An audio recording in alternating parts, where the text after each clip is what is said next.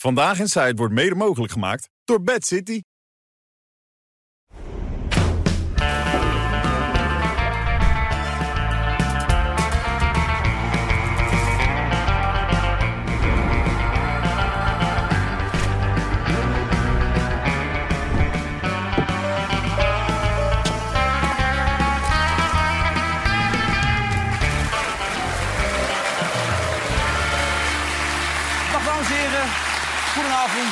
Welkom, maandag 9 oktober.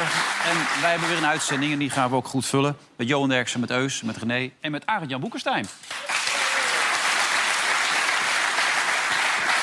Goed dat je er bent, eh, Arend-Jan. Het is ook fijn dat wij door de ballotage bij jou zijn gekomen. Wat, wat was uiteindelijk de doorslaggevende reden om hier te gaan zitten? Nou, ik vind het onderwerp vandaag de moeite waard om te bespreken. De wereld staat in de fik. Ja, Dus ik denk dat we daar een goede gesprek over kunnen hebben. want ik hoorde je net, toen je daar nog in de kleedkamer zat... tegen mij zeggen, het allerlaatste nieuws van Hamas is nu... Ja, ze hebben dus gezegd, dat kon je voorspellen... Hè, van als uh, Israël doorgaat met de bombardementen... dan gaan we één voor één de gijzelaars doodschieten. Dat is het spel wat nu speelt. Ik ben heel somber over de toekomst. Ja, ik zag je gisteren bij Renze ook. En toen maakte je ook niet een hele vrolijke indruk. Toen gaf je ook aan dat je er heel erg veel zorgen over maakt. Ja, en ik was het heel erg eens wat Johan Derksen bij de inleiding zei. Ik vind echt dat in Nederland wij een soort Pavlov-reactie hebben als er wat gebeurt. Dat we alles wat Israël eh, doet goed vinden. Terwijl er- daar zijn ook nog wel wat vraagtekens bij te plaatsen. Ja. Kijk, wat Hamas doet is op geen enkele manier te rechtvaardigen. Maar ik ben geen fan van Netanyahu, kan ik je vertellen. Dat vind je een lul, toch? Nee, maar het is ook, het is ook heel simpel. Hij heeft geen steen onberoerd gelaten, die man... om een twee-staten-oplossing eh, eh, te, te frustreren. Nou ja, dat is natuurlijk als de twee-staten-oplossing... de enige manier om het stabiel daar te krijgen. En als je dat niet doet, nou, dan krijg je dus steeds maar weer... dat Israël trekt in de Gazastrook... met al die doden die er gaan vallen. Ja. Het is een treurige dag. Mannen, Johan, je hebt net al even uitgesproken. Daar gaan we zeker zo op door. Hoe hebben jullie naar gekeken dit weekend? Ja, die beelden zijn weerzinwekkend. Ja. Ik bedoel, nou een, eh, een, eh, een festival met, met jongeren... en dan gewoon 300 kinderen dood te schieten... die eigenlijk, ja, weet je, dat is, dat is krankzinnig. Dat, dat gaat alle perken te buiten. Maar ik ben altijd zo bang dat dan de eerste reactie is van zo'n Israël... van joh, dat gaan we vergelden. Ja, en dan denk ik, ja, dan sterven er ook weer zoveel onschuldige mensen natuurlijk. Als Ja. je maar gewoon dat hele Gaza plat gaat bombarderen nu. Hè. Dan heb je ook alleen maar kinderen en ja... Er zitten 2 miljoen mensen zitten eigenlijk gewoon Ja, opgesloten. daarom. bij. Ja, Zoveel daarom. mensen op dit- dat, dat, klein om het zo te vergelden, ik denk, ja, dat, dat is hem ook niet, joh. Ja. Het is toch ook, dit zijn toch ook absurde beelden, dit, joh. Eus, de Pavlov-reactie zoals die net omschreven werd door Arend-Jan Boekenstein. Hoe sta jij erin? Nou de geschiedenis bewijst, als, als, als een land op zo'n manier wordt aangevallen... dan is de eh wraak altijd buitenproportioneel. Ja. Toen Amerika werd aangevallen, Ja. dachten ze, we moeten iets gaan doen. Dus wat hebben ze gedaan? Ze, ze dachten, we gaan Irak pakken. Ze zeiden, ze hebben wapens. Het bleek helemaal niet waar te zijn. Ze viel het land binnen, totale instabiliteit daar. Dus ik ben bang dat er een reactie gaat komen... die voor nog meer geopolitieke onrust gaat zorgen. En dat Iran, Saudi-Arabië, noem maar op, dat die allemaal partij gaan worden. En dan krijg je echt een probleem. Dus eh, ik hoop, en daarom vond ik sommige reacties in Nederland niet heel verstandig. Dat, dat mensen dan ook, ja nou, meteen in een vechtstand. Van, eh, we accepteren dit niet, et cetera. Maar je zou liever willen dat ze wat diplomatieker reageerden op wat er gebeurde. Ja. Maar dat was niet zo. Eus vergeleek de opmerking van Kok toen bij Afghanistan met die van Rutte nu. Hè? Kok zei toen, nou, laat, ik hoop dat de Amerikanen ook met enige zelfbeheersing zullen reageren. Hè? Wa- Was, werd toen zeer bekritiseerd. Nu zegt Rutte, ja, we staan natuurlijk moordicus achter, eh, achter Israël. Terwijl je zou er best toch wel een zinnetje aan toe kunnen voegen. En laten we hopen dat ze proportioneel zullen reageren. Ja. Om het heel precies te maken. Kijk, natuurlijk moeten de gijzelaars worden bevrijd. Dat is moeilijk genoeg. Dus de Israëliërs moeten wat doen. Maar ja, dit is nu de zoveelste keer dat ze straks naar binnen trekken. Het is er nog nooit toe geleid dat je dat Palestijnse leiderschap daadwerkelijk uitschakelt. Als ik, als ik Johan Derks doodschiet, dan gaat zijn zoon wordt natuurlijk de leider van Hamas. Dat de paddenstoelen gaan komen gelijk weer op. Dit, het, deze geweldspiraal moet worden doorbroken. Het heeft geen zin om daar maar gewoon rond te blijven hakken. Maar stoorde jou de redactie van Rutte dan ook? Onmiddellijk de vlag ophangen? eh, de Ja, zeker. vlag? Eh, de reactie van heel Nederland stoorde me. Voor de bühne meteen blind eh, de kant van Israël kiezen. Eh, en we zijn het over één ding eens. Daar hoef, hoef je met niemand in Nederland over te praten. Die beestachtige slachtpartij, dat is, dat is terrorisme, dat keurt iedereen af. Ja.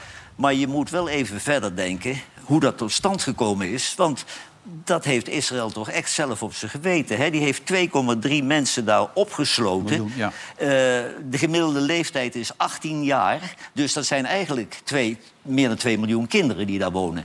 En die hebben van hun ouders alleen ellende gezien. Angst dat de bommen vallen. Die, die, die zijn opstandig geworden. Die zijn getraumatiseerd. Wat doen zulke kinderen? Die worden ouder en gaan acties voeren voor Hamas. Maar Israël laat nu de gewone burgerbevolking in de Gazastrook eh, bloeden voor een terroristische organisatie die toevallig daar eh, zijn basis heeft. En, en, en wat Israël nu doet met die reactie, dat vind ik ook een terroristische. Afsluiten van de elektriciteit, Ja, weet je wat het voedsel, natuurlijk wel is? Kijk, de beelden, de beelden die je krijgt zijn natuurlijk weerzinwekkend... met dat Duitse meisje Nou. wat in die auto legt... en dan staan er gewoon volwassen mannen met een stok op te slaan en het te bespugen.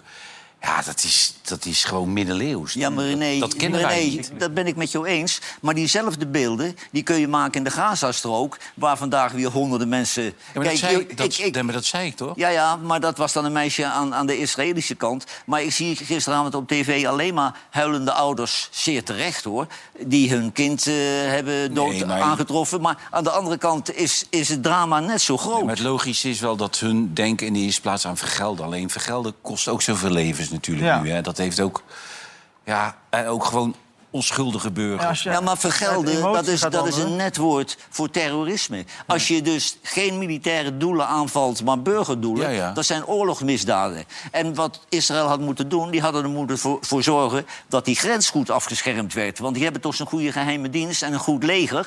En nu straffen ze de verkeerde mensen. De gewone man wordt weer gestraft. En dat Nederland dan massaal eh, de vlag van Israël ophangt... dat vind ik lachwekkend, want er zijn steden in Nederland... waaronder Vlaardingen, waar ze een hele grote Palestijnse gemeenschap hebben. En ik vind dat de Palestijnen net zo zwaar getroffen worden dan de Israëli's. Dus wat Abu Talib nu doet in Rotterdam, dus die vlag niet op te hangen, Dat, dat begrijp je. ik Waar heel goed. wel doet in maar zo'n. Vlaardingen, waar je een veel grotere Palestijnse gemeenschap hebt dan een Israëlische, daar zouden ze beide vlaggen op kunnen hangen. Ja. Want één ding hebben ze gemeen: de ellende en, en, en de smart en het verdriet. Maar Arjan, even over die, die, ook de geheime dienst. Had het niet door van Israël, terwijl die toch altijd geroemd wordt?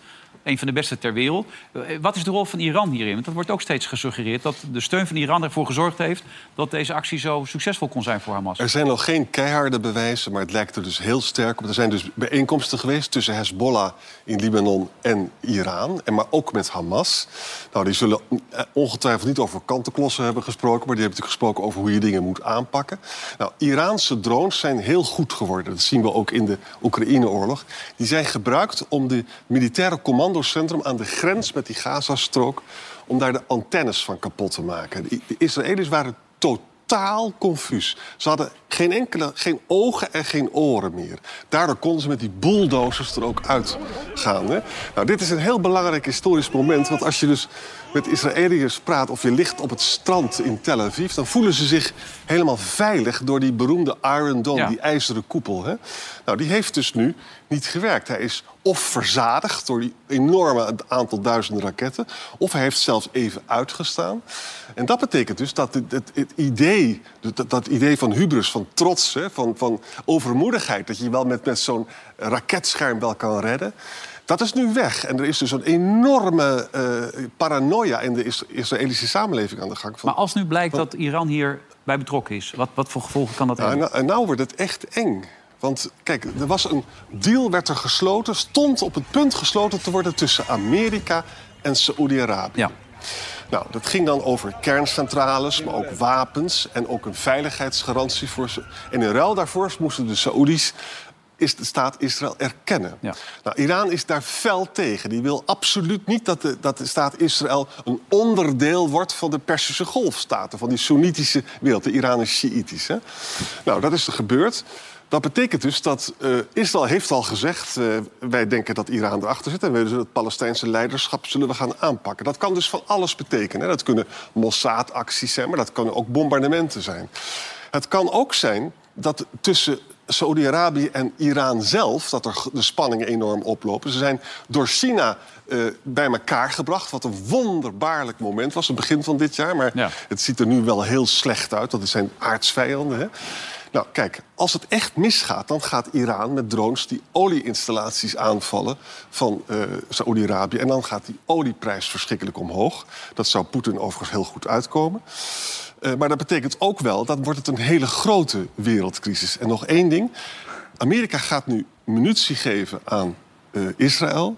Die munitie kan niet naar Oekraïne gaan. En Oekraïne heeft dat heel hard nodig. Dus alles hangt weer met alles samen. Dus en Amerika gaat zich echt daadwerkelijk veel mee bemoeien? Zeker, zeker. Weet je wat ik schokkend vond? Ik las in de krant dat het nieuws kwam door in Iran... en dat het parlement geapplaudisseerd heeft Ja. omdat ze dit gedaan hadden. Ja, kijk hier, dit, dood aan Israël.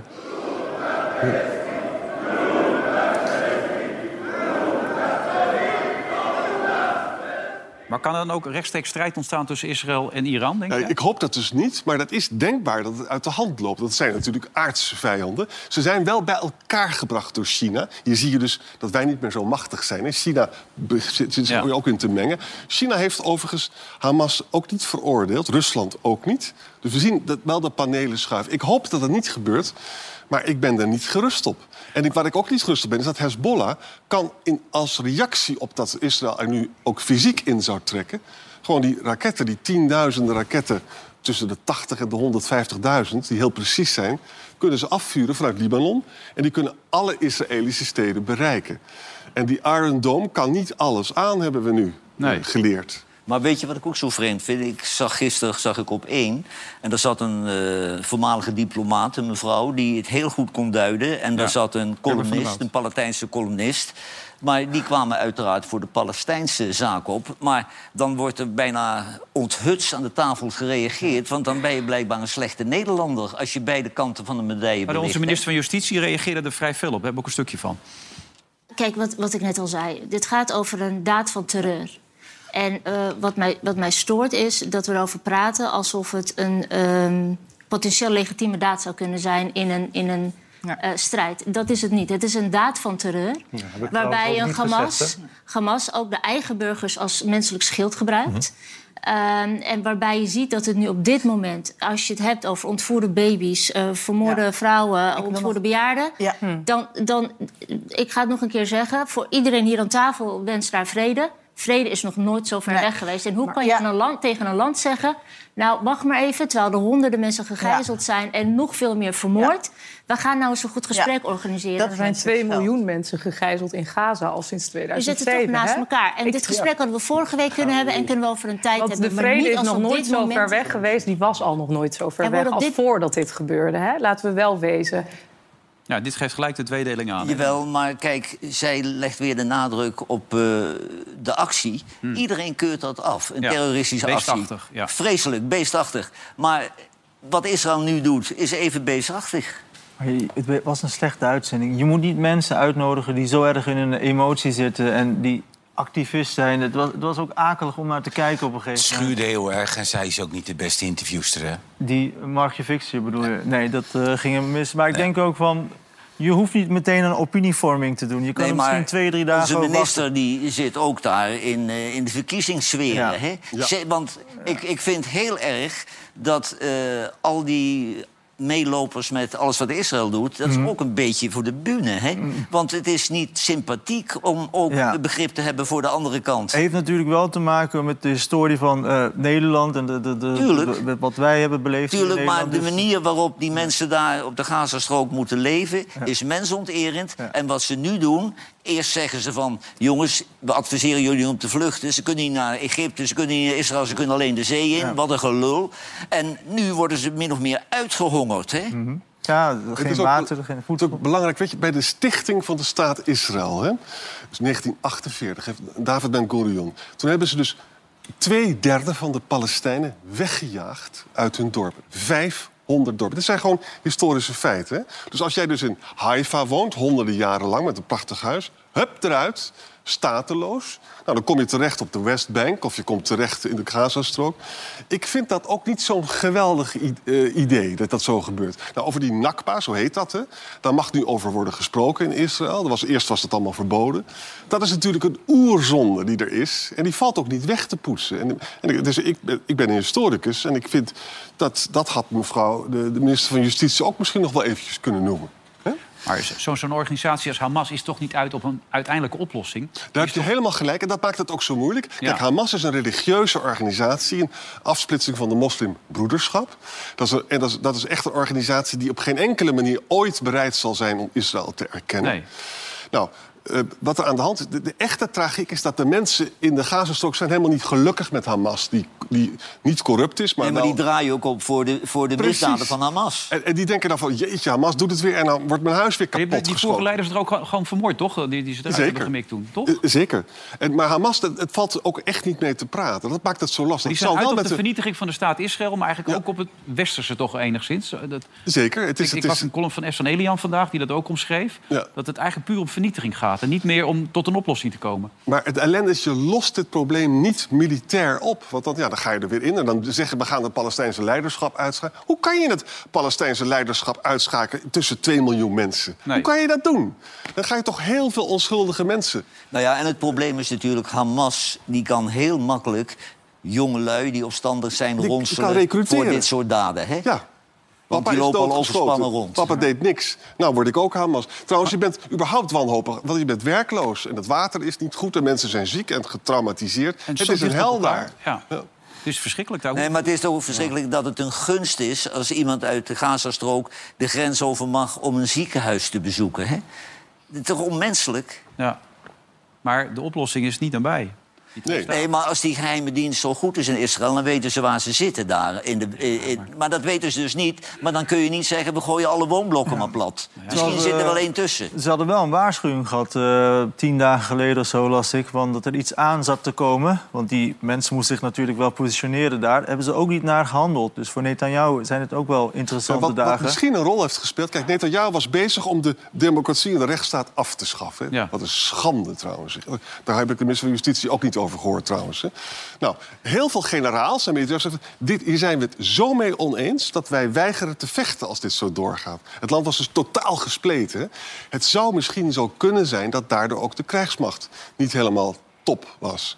Ik denk het niet hoor. Ik denk Leg dat het- even uit, want hij, Ja. was weer al- allemaal, hij wilde dingen veranderen. Wetten Ja. veranderen, regels veranderen met rechters, begreep ik Ja, ook zo. je hebt dus in Israël geen grondwet. Een grondwet is belangrijk, want dan kan je de rechten van de minderheden beschermen. Hè? Tegen de dictatuur van de meerderheid. In het parlement kan je de meerderheid hebben. En dan besluiten we in de meerderheid van... nou, wij gaan eh, voetbalanalisten, die moeten maar eh, in gevangenis. Hè? Ja, nou, nou, dan is er de grondwet. ja. Er staat voetbalanalisten zijn ook mensen... die mogen niet in de gevangenis zonder due diligence of zo. Hè? Nou, dat in Israël niet. Dus de enige eh, manier om nog de minderheden te beschermen... is, de, is het Supreme Court, het gerechtshof zelf. Want het Ja. gerechtshof, als er weer een illegale kolonie was... Weet je, op de Westbank, die niet mocht... dan was het de gerechtshof, dat zei soms wel eens... van, dit kan niet. Dat wilde hij dus weghalen. Tja. Jawel, maar de selectieve verontwaardiging van de Nederlandse politiek. Ze hebben moord en brand gespeeld toen hetzelfde in Polen speelde. Ja. En nu in Israël speelt het geen rol. Zo is het. Zo is het. Ook. Maar even naar de toekomst gekeken. Wat, wat is nou jouw verwachting? Ik hoorde je gisteren een zeer zwaar scenario schetsen.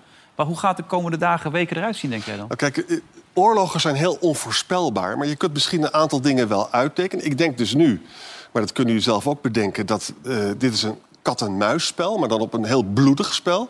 Dus de, de, de- ja, de Hamas gaat natuurlijk nu filmpjes maken... van die mensen, die 150 gijzelaars, zitten in die tunnels... En die zijn niet leuk, die filmpjes. En dan gaan ze dus daadwerkelijk, als Israël erin zou trekken... gaan ze één voor één neerknallen. Dat, is, dat, spel, dat is- wordt een afschuwelijk spel. Ik hoop een beetje dat eh Netanyahu dan besluit... nou, misschien is dat dan toch niet zo handig om daarin te trekken. En er is ook een, beetje een historisch voorbeeld. In 2005 heeft dus Sharon heeft die- de Israëlische troepen uit de Gazastrook gehaald. Omdat ze het gewoon niet meer zagen zitten. Nou, doen jullie het gewoon maar zelf en dan sluiten we het wel af als het misgaat. Hè? En ze willen ook helemaal niet want ze snappen zelf ook wel dat dat niet werkt. Maar ja, sinds 2007 zijn ze is het afgesloten. En nu zijn ze dus steeds weer ingetrokken. Het is een soort overwinnaarsrecht. Hè? En ik geloof dus niet dat dat een duurzame situatie is. Ik denk dat dat steeds maar weer misgaat en dan steeds weer tot geweld leidt. En dan gaat ondertussen een jongen hier in Nederland... die gaat eh, bij BNN aanbellen om eh, Tim Hofman om te leggen. Weet je wel? De, de absurditeit van, deze, van dit bestaan. Waar gaat het allemaal nog over? Wat, wat, wat zijn dit voor mensen? Ja. Hè? Ja, ik, eh, wij werden daar vandaag over geïnformeerd Ja. bij eh, de publieke omroep. En het schijnt dus dat hij eerst middags langs is geweest eh, bij de receptioniste om te vragen of hij eh, Tim Hofman kon spreken. Kon niet. Is hij s'avonds om 9 uur teruggekomen met een mes en een pistool. En heeft hij tegen de beveiliger gezegd: eh, Ik ben hier gekomen omdat ik Tim Hofman wil omleggen. En toen Die, die beveiliger dacht dat het bananensplit was. Die ik heb geen idee. Ik Ja, vind zo'n vreemd verhaal. Maar Ja, natuurlijk. maar die, heeft hem, eh, die heeft de politie gebeld. Ja. Toen die man naar buiten liep, heeft de politie hem meteen eh, vastgehouden. En, en hij zit nog steeds vast, sowieso tot december. Maar hij had dus echt een mes en een pistool bij zich. Dat Had is ook echt bij absurd zich, ja. ja. bij zich, ja. Ja, maar dat, dat, je strikt ervan in Nederland wie allemaal een pistool hebben. Hè? Wij, Ja, zijn, wij zijn een soort Amerika aan het worden, want de gekste mensen die lopen met een gun op zak. ja. Is dat zo? Daar weet ik niks van, eerlijk gezegd. Heb jij er een of niet? Ik heb er eh, niet één. Ik nee. heb ook niet Nee. één. Heb jij er een, Arend Jan? Eentje. Oh, oh oké. nou ja, wees er zuinig op. Hè? Nee, maar het is toch absurd wat we met z'n allen meemaken, toch? Alleen het, het feit dat hij het kan vertellen vind ik wel een beetje opmerkelijk. Ik kan Ja. iemand omleggen. Ja, wel- ja, ja, ja hij zou ook wel niet, niet te lang op school gezeten hebben, denk ik. Want je weet toch, als je tegen een beveiliger zegt... ik kom iemand omleggen, dat die beveiliger denkt van... ja, dat gaat niet gebeuren.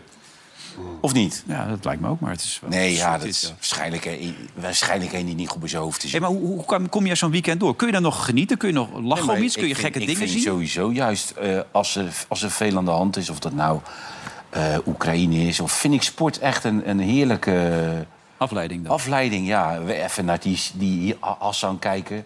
Is toch leuk, ja. man. Ja, die deed het goed, hè? Die gewoon gestart is en gewoon dacht, ja, als er niemand me nou voorbij loopt, dan, ga- dan ga ik hem maar pakken gewoon. Ja. Dat is toch leuk, man? Dus die liep eerst met de En, grote eh, favorieten mee. Onze ja. vriend Verstappen. ja, het was een beetje warm, hè, voor Verstappen. Zo, het was 50 graden. Het was warm, man. graden? 50 graden was het. En heb wilde- je nog zijn helmpje op? Hij wilde hem toch winnen. Ja. En, en, en voetbal, altijd aardig. Aftrapjes, ook altijd Aftrapjes, goed. aftrapjes altijd goed. Aftrapjes altijd goed. Dat is al, daar let ik altijd op. Omdat, ja, dat is de armoede ten, ten top, hè? Aftrapjes.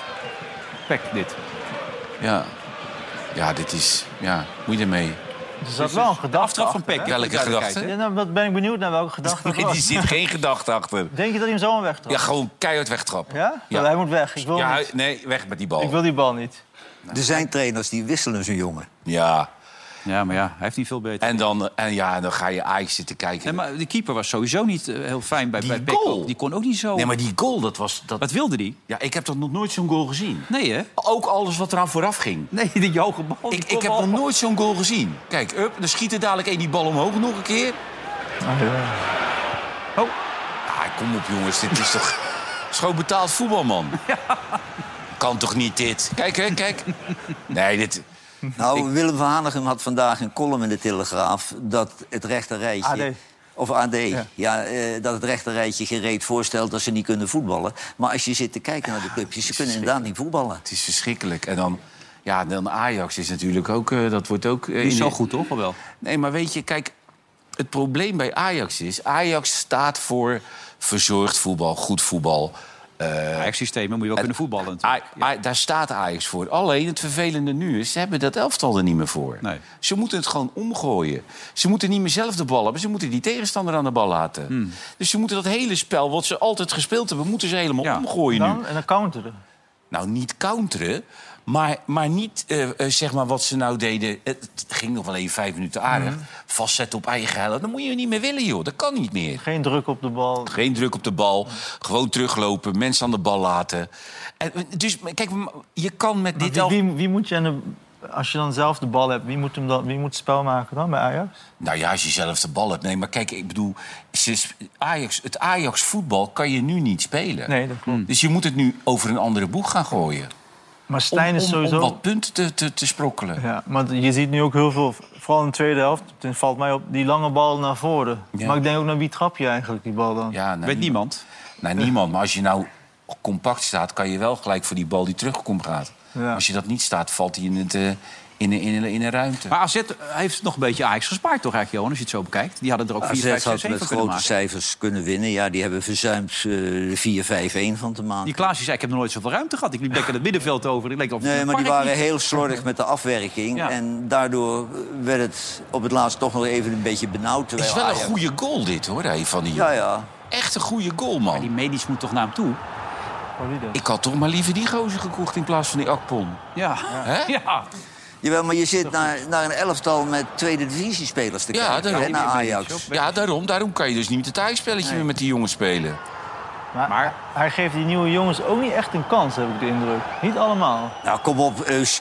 Nee, nee, maar hij Ik vind dat je niet die op. trainer niets kwalijk kan Nee, nemen. Die krijgt met een zootje in zijn maag Nee, gesplitst. daar ik en die eens. wordt toch al afgemaakt, want het is maar een kwestie van tijd. Ja. En overigens, Van Gaal die zat daar. Ja. Maar als Van Gaal wat wil met deze chaos bij Ajax... dan kan hij niet met een adviesje uit Portugal komen. Dan moet hij er bovenop zitten, want die ogen van Van Gaal... Ja. die dwingen, hè. Nou ja, dat zag je gelijk al toen en hij die binnenkwam stem, daar, en die stem, dat is imponerend. Hij Ja. moet er bovenop zitten, anders daar heeft het geen zin. Bekende allemaal natuurlijk. komt hij, hoor. Kijk, Maurits Hendricks. Ja. Dit vindt hij ja. Heerlijk. Maar iedereen is Ja. ook eh, geïntimideerd. Nee, hè? Smuikt hoofdje. Iedereen zou lekker in een skybox gaan zitten op het gemak, weet Ja. je wel. Lekker gewoon een wedstrijd kijken. Nou, maar ja, de grote Louis gaat op de tribune zitten Ja, natuurlijk. wel op het eh, hoogste treedje, zei Wim Kief ja. net. Ja, wel op het hoogste stukje dat hij boven die mensen ja, zat ja, allemaal. ja, ja. En dan Hij ziet er met... trouwens al slecht uit. Ja, hij heeft natuurlijk wel een jasje Bah, uitgedaan. ja. Met, eh, Ja, zeker. Prostaatkanker. Bah. Overigens, Wilfred, is het morgen, we realiseren ons dat niet... maar een hele belangrijke dag voor de Nederlandse politiek. Hè? Want er wordt gestemd over het referendum... Ja. en dat is aan de ene kant het toppunt van democratie... maar aan de andere kant kun je de ellende wel eens in huis halen... want dan krijgen de media en social media... die krijgen dus de kans om kiezers... eh, te beïnvloeden met hun publicaties. En Wat jij kijk, hier natuurlijk ook vaak doet aan aan deze tafel, toch? nou, nou, iedereen aan zo'n talkshowtafel die kan dan mensen beïnvloeden. En er zijn mensen heel gevoelig voor. Je hebt Eh, 4 miljoen mensen toch nodig, Arend Jan, om zo'n wet eventueel tegen te houden, toch? Als... En dat is maar goed ook. Want, ja, eh, dat is echt heel veel. Ja. nee, want je, hetzelfde, kijk, je kunt het effect... Het volgende wat ze gaan doen is die, die gekozen burgemeester. En als democraat ben ik daar wel voor, hoor. Ja. Maar als je een gekozen burgemeester krijgt... dan heb je de kans dus dat je een clown krijgt... of de, de, de, de dorpsidioot. Schwarzenegger. Ja. Ik roep overal dat ik ooit gekozen burgemeester van Deventer wil worden, Johan. Ja, nee, maar je krijgt altijd een popiop in de stad, die doet mee. En dan denken mensen, dat is leuk, joh, we, stemmen op Willem. En dan krijg je een gek. Maar weet je wat het ook is? Met iedereen wijst dan naar Zwitserland, want daar hebben ze een referendum en weet ik veel wat. Maar dan komt er iets door, bijvoorbeeld eh, het volk stemt van eh, we gaan alle minaretten verbieden. En dan moeten ze het behandelen, maar dat blijkt dan in strijd te zijn met de grondwet. En dan gaat het alsnog niet door. Dus in die zin heeft het ook niet altijd veel effect. Nee, Ja, maar je dus moet dat van tevoren voor je referendum houdt wel eventjes checken of het niet eh, eh, Ja. verboden wordt via de grondwet. Ja. Maar jij zegt niet doen. Je hoopt dat het Ik, niet kijk, doorgaat. ik, dat is niet lullig bedoeld. Ik, ik, vind het, ik vind het echt het toppunt van democratie. Dat de mensen echt mee mogen praten. Ja. Maar, Maar ik, je, kunt toch, ik- kun je, toch, eh, je hebt ook een raadgevend referendum. Je, je, ja, je- je- ja, maar dan, dan, dan, eh, dan doe je het voor Jan Lul, weet je wel. Dan heb je een suggestie en dan kunnen ze gewoon eh, naast zich neerleggen. Maar ik denk dat dan de invloed van, van de media en vooral social media... dat het een gekkenhuis wordt en dat mensen gek, gek gemaakt worden. Ja, maar, Maar dat geldt ook tijdens de verkiezingen natuurlijk. Hè? Dat social media kan, kunnen de verkiezingen ook enorm beïnvloeden. Ook vanuit het buitenland. Maar ik ben het met je eens. Als je kijkt naar dat Oekraïne-referendum wat we gehad hebben... weet je wel, wat voor argumenten daar gebruikt werden... tegen die associatie met Thierry Baudet, weet je nog. was allemaal Ja. onzin. Er zou een Europese krijgsmacht komen. Hadden we maar een Europese krijgsmacht. Hè? Dus maar ik ben het eens, je Maar moet met de gedachte dat je 4 miljoen mensen nodig hebt om iets tegen te houden... is best veel. Voor je Dat, dat, dat, is ook een rem, hè? dat is ook wel een belangrijk. behoorlijke rem, denk ik. Nou ja, dat, dat, dat is een, veiligheidshendel Ja, die maar erop Dat is zit. maar goed ook op zich, Ja. weet je wel. En mensen moeten wel een beetje tegen zichzelf in bescherming worden genomen. Ook zoals Nicoleke, die gewoon onder dwang gezet is hè, door Peter Gillis. Echt? Ja, heb je dat niet gelezen? Had heeft ze- ze had een verklaring getekend waarbij ze niet eh, negatief over Peter mocht praten. Nee. Maar dat heeft ze nu onder dwang gedaan. Dus nu eh, gaat ze weer een Maar dat, geding. mocht ze, dat wist ze toch? Want dat mocht ze ook niet toen ze met Peter ging. Nee, dat mocht ook niet. Nee, maar hij heeft nou toch 100.000 euro van haar eh ja, dat mag je beslag opleggen, maar hij wilde eerst 1,7 miljoen. Ja, waar ze dat vandaan van halen moet, weet ik ook niet. Maar dan mag je op dat olif olifants van 24 uur per dag met je bleekje Ja, gaan zitten. Als je, hè? Ja. Ja. toch is Kijk jij olifants? Nee, maar ik ben wel nieuwsgierig. Ja. Heb je dat in Turkije ook? Erop? Olifants? Jazeker. Ik zit erop natuurlijk, ik zit overal op. René, het was dit weekend ook wel weer goed nieuws. Ik heb het niet in de Goed Nieuws Show gehoord, maar er was goed nieuws. Want ik ben heel erg blij voor Sylvie Meis. Oh ja. Die heeft haar zoveelste multimiljonair aan de haak geslagen. Hij is maar goed voor Want- 155 miljoen. Precies, want. Sylvie doet alleen principieel de benen wijd... voor een gozer met een gouden pik. Ja. Ja. En daarom maak jij nu ook kans, want jij verdient ook een miljoen. Hoe weet jij dat? jij, jij denkt toch niet dat ik hier ga zitten voor een miljoen, hè? Dat zou John de Mol wel willen, ja. Iets meer, ja. Wim Belen heet hij, hè? Jij komt Groot nu- geworden in het afval, de puin. En eh, nu inmiddels Maar het is toch verschrikkelijk, dat meisje. Hè? Nou ja. Altijd achter. Die, die kijkt eerst wat het vermogen van iemand is voor, voordat ze een bed duikt. Nee, denk je dat echt? Ja, dat bedoel, denk ik. ze Ja. komt ze Dat is echt een slechterik. Nou ja, wat is dit nou weer? En, en, ja, dat is een slechterik. toch? En die van de Vaart, Ja? Ze is wel een lekker meisje, vind ik. Wel een lekker meisje. Nee, er is niks mis mee. ik vind het Barbie. Nee, dat, dat vind ik wel meevallen. Ik vind het, Mooie dat, vrouw, hè? Dat, dat Eusie. karakter van het meisje, er verstand van. dat deugt niet, joh. Die Dat Turken die weten dat En wel. die van de Vaart, die- die van de Ja, Vaart heeft toch? nu toch een veel leukere vrouw, man. Dat lekker- ja, ja een man, een tof Ja. wijf. En is met deze kwal eh, opgetrokken. Ja. zes- Kijk, ze ziet er lekker uit en daar kun je op geilen, hoor. Maar het is, het is niveauloos. Ja, ik geil er niet op, maar... Ik ben wel benieuwd wat Arend Jan hiervan vindt. Ik vind het, een- ik, Nou, ik vind het een uitzonderlijk mooie vrouw. Ja. En ik vind ook dat we haar niet kwalijk kunnen nemen... dat die, dat die man toevallig heel erg rijk blijft. Ja, dat is wel een maar dat gebeurt nu negen keer al, hè? Er is een patroon, er is een Ja, patroon. ja. Ja, maar ja, bij McDonald's eten drie keer in de week is ook wat. Ja, Ja, zeg eens. daar moet geen zin in Ze hebben. komt in die kringen, dus ze komt Ja, ze tegen. Hè? En dan werkt man. dat zo. Dan, dan word je verliefd. Dat kan niet anders. Hartstikke leuk toch voor de... hey, jij wil afbellen, heb ik gehoord. Jij wil afbellen, toch? Kan dat? Ik weet het niet of dat kan. Dat kunnen we nakijken. Dan zou je voor Frankrijk zou ik afbellen. Gewoon afbellen. Ja. Ja, Ah, ga, dan ga je alleen maandag naar Griekenland. ja Beter ook. die is belangrijk ook. Heb je weer een paar dagen rust. Ja, alles heel houden. Gewoon, we- gewoon afbellen. Gewoon zeggen, we doen het niet. 4-0 Zeg je, laat gaan we? even? voor jullie. Ja, 3-0. 3-0. 3-0 ook gewoon. 3-0. Ja. Prima. Ja? Hij, hij hoopt nog steeds op een goed resultaat, Ronald. Ja. Ja. Tegen Frankrijk. Ja. Nee, ik zeg altijd... Als je een elftal hebt Ja. en je legt ze alle elf op elkaar... en die anderen hebben op negen plekken een betere... Hm? dan kan je niet winnen. Nee. Mits calamiteiten. Ja. Snelle rode kaart. eh, Ja. Totale off-day van die Fransen... die er misschien ook geen zin in hebben, Ja. weet ik veel. Kan van alles gebeuren. Maar je kan onmogelijk winnen. Onmogelijk. Nee? Maar- Nee, onmogelijk. We, we zijn er nog wel wat... Nee, Heus, dat we maakt niet uit veel hoeveel hoor. We zijn echt veel kwijt. Heb je dat lijstje gezien wat we allemaal niet hebben? Ja, kijk dus even de stand. Wel een belangrijke stand. Ik ook. moet jou heel eerlijk zeggen, ja. met, met, dit, met dit elftal... Ja? Zou, ik het, zou ik al tevreden zijn als we één punt uit die twee wedstrijden pakken. Ja, Griekenland één puntje. Griekenland f- gelijk Maar als je ze niet kwijt was, had je ook verloren. Kijk, deze zijn er niet, Johan. Nee, Dat zijn... tuurlijk. Maar hadden die Grieken meer kans. Maar ik vind een puntje in Griekenland vind ik al voldoende. Ja. Ja, nee. Ja, ze zijn Dit zijn er veel. Ja. Er zijn er heel veel. En er vallen er nog wel vier af deze week Ja, maar we hebben natuurlijk snel. wel, de, we, we hebben wel die keeper van Heerenveen erbij. Hij is er weer bij. Hij is er weer bij. Hij is Dat er weer bij, dat- ja. dat vind ik. Christus. Onbegrijpelijk. Die vangt nog geen, die vangt nog geen strandbal meer. Nee. En, en, die, en die zit er gewoon bij, die lange. Ja. Ja. Dat kan toch niet? Kan je, nee. Dan, dan had je net zo goed... Ik, dan Nee, maar dat kun je tegen, tegenop, tegenover keepers die normaal staan te keeper... kun je dat niet, niet waarmaken. Hij, iedere wedstrijd eh verziekt hij het. Maar wie, Maar keep, wie keept er Verbrugge normaal, gaat waarschijnlijk... Nou, die jongen van Excelsior, die, die houdt ook nog Ja? ballen tegen. Zou je die nog eerder oproepen? Ja. Ja? Nee, maar Ja, je kunt, je kunt het niet doen, want je moet... Nederland zelf dan moet je altijd jongens in vorm had je het ook nog, zei Arno Vermeulen gisteravond. En die, en die keeper van Brighton die maakte weer een fout met het, eh met het eh, Ja, uitverdedigen. maar dat hij zei Ronald Koeman ook op persconferentie. Niet te veel de korte balletjes teruggeven. Niet doen. Ja. Niet, Ah, niet- Vlekken. Nee, Nee, die, andere, die van Brighton. Nee, die Verbrugge. Oh, Verbrugge. Ja, Verbrugge. Van ja. Anderlecht. Ja, dat zei hij ook op de Misschien persconferentie. eh, Sergio Pat dan maar, hè? Ja, maar die was ja, niet zo gelukkig vorige week. Nee, die was niet goed, maar toch. Nee. De boel was... eh, wat? Ja, die komt altijd met de trein en dan heeft hij nog wel eens problemen.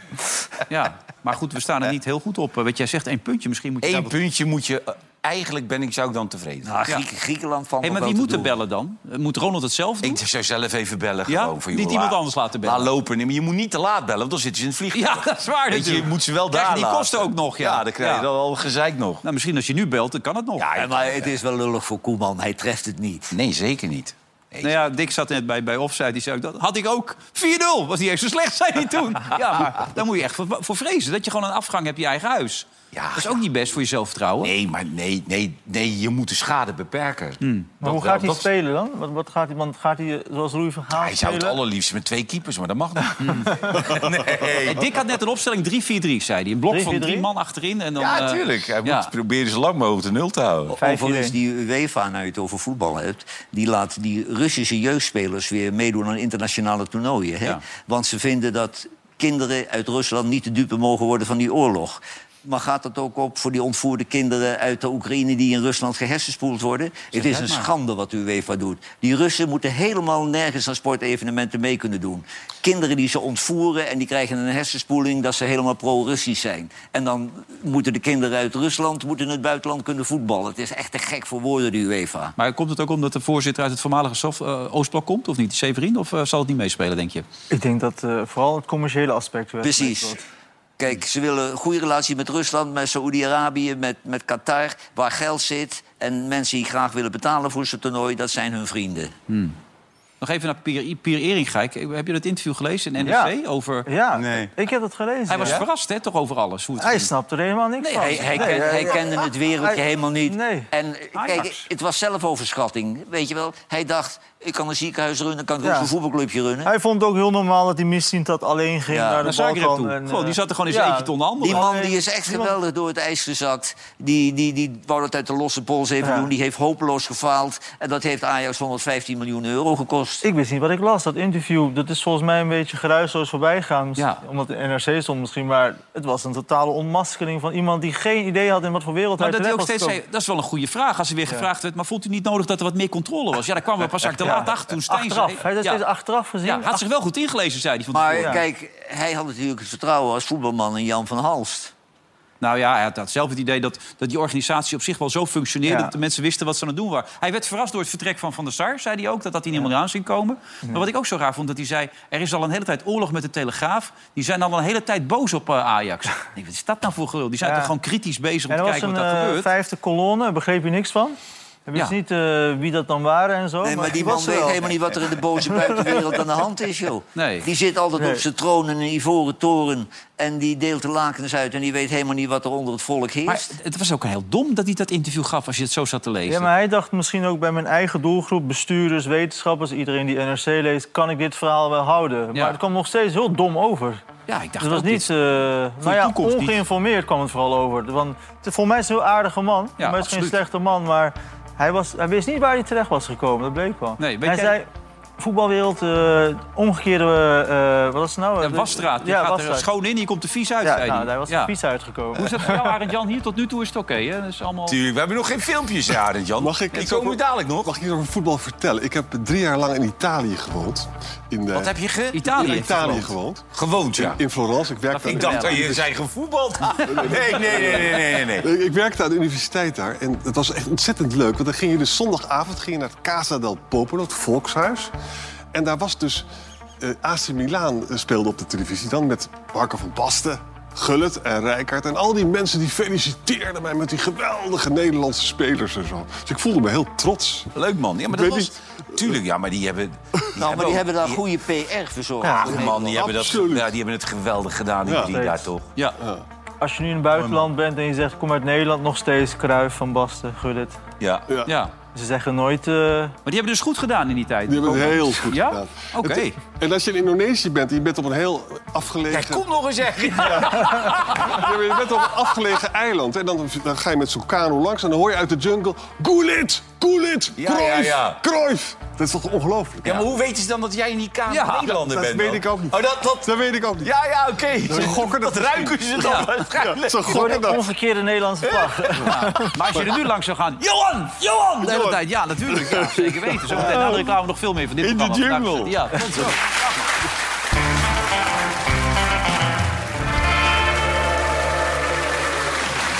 Laatste deel van deze uitzending van eh, vandaag is tijd. Johan Eus, René en Arend-Jan Boekenstein. Eh, Johan, jouw opmerkingen maken de nodige reacties los. Dat had je ook verwacht. Dat, zei Dat had ik al. ook verwacht, maar Ja. het is, het is mijn, eh, mijn mening. Ja. Dat er wordt net zoveel leed aangedaan als de, aan de Palestijnen dan aan de Israëli. Dit is de voormalige directeur van het CIDI, volgens mij. Ja, dat, dat zijn de eerste natuurlijk. Want eh, die Joodse gemeenschap die is heel gevoelig. En met wat ze in de historie allemaal meegemaakt hebben... heb ik er ook nog wel begrip voor. Maar wat ze nu doen daar, dat vind ik eh, terreur. Was zo bij die Ja, Palestijnen gewoon, eh, gedaan, hè? gewoon burgers daar lukraak bombarderen... en hopen dat er iemand van Hamas tussen Jij zit. begrijpt die gevoeligheden ook wel, neem ik aan, Arend Jan. Toch hoe Ik heb, ik heb nog nooit meegedaan over het onderwerp het Arabisch-Israëlische conflict dat niet ontspoorde. Je krijgt altijd ruzie. Met- Het ligt gewoon ongelooflijk gevoelig. Maar gaat, gaat dat misschien niet iets te snel? Want jij zei ook terecht, van, je ziet die jonge mensen weglopen van het festivalterrein... worden ontvoerd en meegenomen. Ik, ik bedoel, je moet die mening inderdaad kunnen hebben... maar ik snap ook wel dat het misschien te snel gaat voor eh, Ja. sommige mensen... die nog niet weten of hun kinderen wel of niet levend terugkomen of weet ik veel wat. Ja, Ja, maar die situatie doet zich op de Gazastrook precies zo Ja. voor. nee, dat klopt. Dat, dat kan je zeggen. Maar zij zitten nu in deze emotie. Dus ik probeer Maar te eh, begrijpen de, waarom... de, de gemeenschap eh Palestijnen in Nederland die speelt geen rol... wat die mensen emotioneel doormaken. Op dit moment denk ik dat zij dat... Zij, dus die mensen die nu boos op jou zijn... dat zij dat minder belangrijk vinden. Ja, nou ja, en ja. ik ben niet partijdig wat dat betreft. Ik vind dat Hamas zich misdraagt en ik vind dat Israël zich ook misdraagt. In 1973 was het volgens mij Yom Kippur, toch? Eh, De Ja. oorlog. 50 Toen, jaar geleden. toen, toen kwam er een oplossing uiteindelijk. In die zin er kwam vrede. En dus Egypte en Syrië vielen Israël aan. Israël heeft het bijna verloren. Uiteindelijk kwam het goed. En toen is dus die opening gekomen van Egypte... heeft toen vrede gesloten met Israël. Ja. Nou, mensen maken nu een vergelijking. Want toen was dus ook Israël totaal eh, overrompeld. Hè. Ze wisten helemaal niet dat het zou gaan gebeuren. Ook de geheime dienst was toen, eh, kreeg de Zwarte Piet. Kol- mevrouw Golda Meir moest opstappen, weet je wel. Omdat, dat kan dus met, eh, na een tijdje met Netanyahu ook gebeuren. Want ja, hij heeft het toch niet zien aankomen dat het gebeurt. Hè. Nu is het eventjes een rallying around the flag. Hè. Want in een crisis dan ga je achter de leider staan. Maar straks komt er een onderzoek. Hoe komt het nou dat jullie dat niet hebben zien aankomen? Terwijl hij die hè? verkiezingen ook nog heeft gewonnen... omdat hij zei van ik ga Israël nog beter beschermen. Mr. Security, zei hij. Ja. Eh, Dat was niet zo heel secure. Dat was zijn eh, plan met eh, Israël. Ja. Maar, Maar- maar- kijk, dat, dat ging om landen. Nu gaat het natuurlijk wel om een... Het trieste van de situatie nu is... Kijk, Egypte was bereid om dus vrede te sluiten met Israël. Hamas heeft dat nooit eh, gezegd. Sterker nog, ze zullen dat ook nooit doen. En dat betekent dus... Kijk, er zijn dus twee dingen aan de hand die gewoon vreselijk is. Hè. Met Hamas valt niet te praten. Dat is een organisatie die gewoon Israël onder geen enkele omstandigheid wil erkennen. Het is ook barbaars wat ze daar in die Negev-woestijn hebben gedaan. Hè. Dat is gewoon vreselijk. Eh, maar tegelijkertijd is het ook zo dat als Israël dus nu weer reageert met geweld... wat ze moeten doen om die gijzelaars vrij te maken... dat mensen weer achter Hamas gaan staan. Terwijl niet alle Gazanen Hamas steunen. Dus eigenlijk het trieste is dat je aan beide zijden, aan Israël en aan, eh, in, in Gaza... gaan dus onschuldige mensen sterven... omdat er gewoon geen mogelijkheid is om vrede te maken met elkaar. Het gaat maar door, deze ellende. Als er dus geen mogelijkheid is, blijft dit oneindig, zoals je het Ja. schetst. Ja, er zijn, wat- weet je, sommige mensen denken van... weet je wat, we gaan vragen aan Egypte en ook aan Saudi-Arabië... om dan een peacekeeping force. Maar ja, dan zeggen andere mensen weer van... ja, Egypte is niet eens in staat om de Houthis in Jemen te verslaan. Hè. De- En, en, sorry, de Saoedi's zijn niet in staat om dat te doen. Dus dat zijn ook niet geweldige vechters. Nee. Maar ja, je moet wel, je moet wel wat gaan doen. Wat, we- wat we nu dus doen, dat leidt weer gewoon tot een geweldsspiraal. Ja, ik denk dat de haat aan beide zijden alleen maar groter wordt. Ja. En ik las toevallig vandaag dat er al 125.000 Palestijnen de dood hebben gevonden bij deze incidenten. Door de jaren heen. Door de jaren heen. Ja, nee, maar dit speelt al zo lang. Jouw vrouw heeft op een kibbutz gezeten. Ik heb het zelf ook meegemaakt. Ja, Dat is 30, ja 35 die, jaar geleden. die zei- Dat- mijn vrouw die heeft er gezeten en die zei van... eh, die Palestijnen werden echt als oud vuil behandeld. Ja, dat was toen ook al zo, ja. Dat is heftig, ja. Eh, we zullen je nog vaker spreken, denk ik, Arend Jan. Tenminste, als jij zelf de behoefte voelt nog om een keer terug te keren. Maar ben je expert hier? eh? Ik ben nergens... Nee, maar jij, jij, jij, je kan er goed, hij kan er goed over vertellen. goed Dat is vertellen. Enthousiast Ja. ook, hoe zwaar het ook is. Historicus. Hij eh, eh, heeft zich verdiept in de geschiedenis. Maar je hebt ook een podcast, hè, Arend Jan? Dacht je dat hij ook scheidsrechter was? Ik heb geen idee. Ik denk, ja... Nee, ja, hij zei, ik heb drie jaar in Italië gevoetbald. Ja, Zei hij. en gekanoot in Indonesië. Ja. Jij dacht, dit is Maar wel... die podcast doe je met Tim de Wit nu en niet meer met Rob de Wijk, toch? Ja. Europa draait door en die is heel populair aan het worden. En met Rob de Wijk heb ik eh, eh, die andere. Oh, die Boekenstein is- de Wijk. ja. Bij BNR. Rob de Wijk. mag ik, eh, 100.000 luisteraars per dag, jongens. Ik ben trots. Iedere dag maak je een één- één ding, podcast. klein dingetje. Vorige week hadden we hier dus die Jorien van der Herik. En die had dus die dame uit Rotterdam. Die wilde ze, wil... En dan is het toch die Gerard van Hoofd geworden die nog de deur uitgezet Ja, en die is meteen nummer 1 op de lijst. En die gaat, eh, als die gekozen wordt, 120.000 verdienen. Dus daar was hij op uit. Ja, en die dame is, staat niet eens op de lijst meer. Nee. Verkoelen, hoe heet ze? Ja. Vergoelen, ja. Elle Vergoelen uit Maar Rotterdam. we kunnen deze partij dus gewoon afschrijven. En dus alle oude mensen. Ja, nee, maar er is ruimte voor een oudere jongere partij. Ja, maar komt Ja. nu niet. Maar die gaat er niet komen op deze manier. Nou, ik moet daar even met Arend praten. Oh ja, dat is misschien wel een goed idee. Ja. Job Knoester onder andere morgen bij Merel en Pieter Koblenz. Ook over de situatie natuurlijk in Israël. Praten we morgen door. Bedankt eigenlijk Jan en tot de volgende keer. Graag. Jij ook bedankt Eus. We zien elkaar morgen weer op deze zender. Zelfde tijd.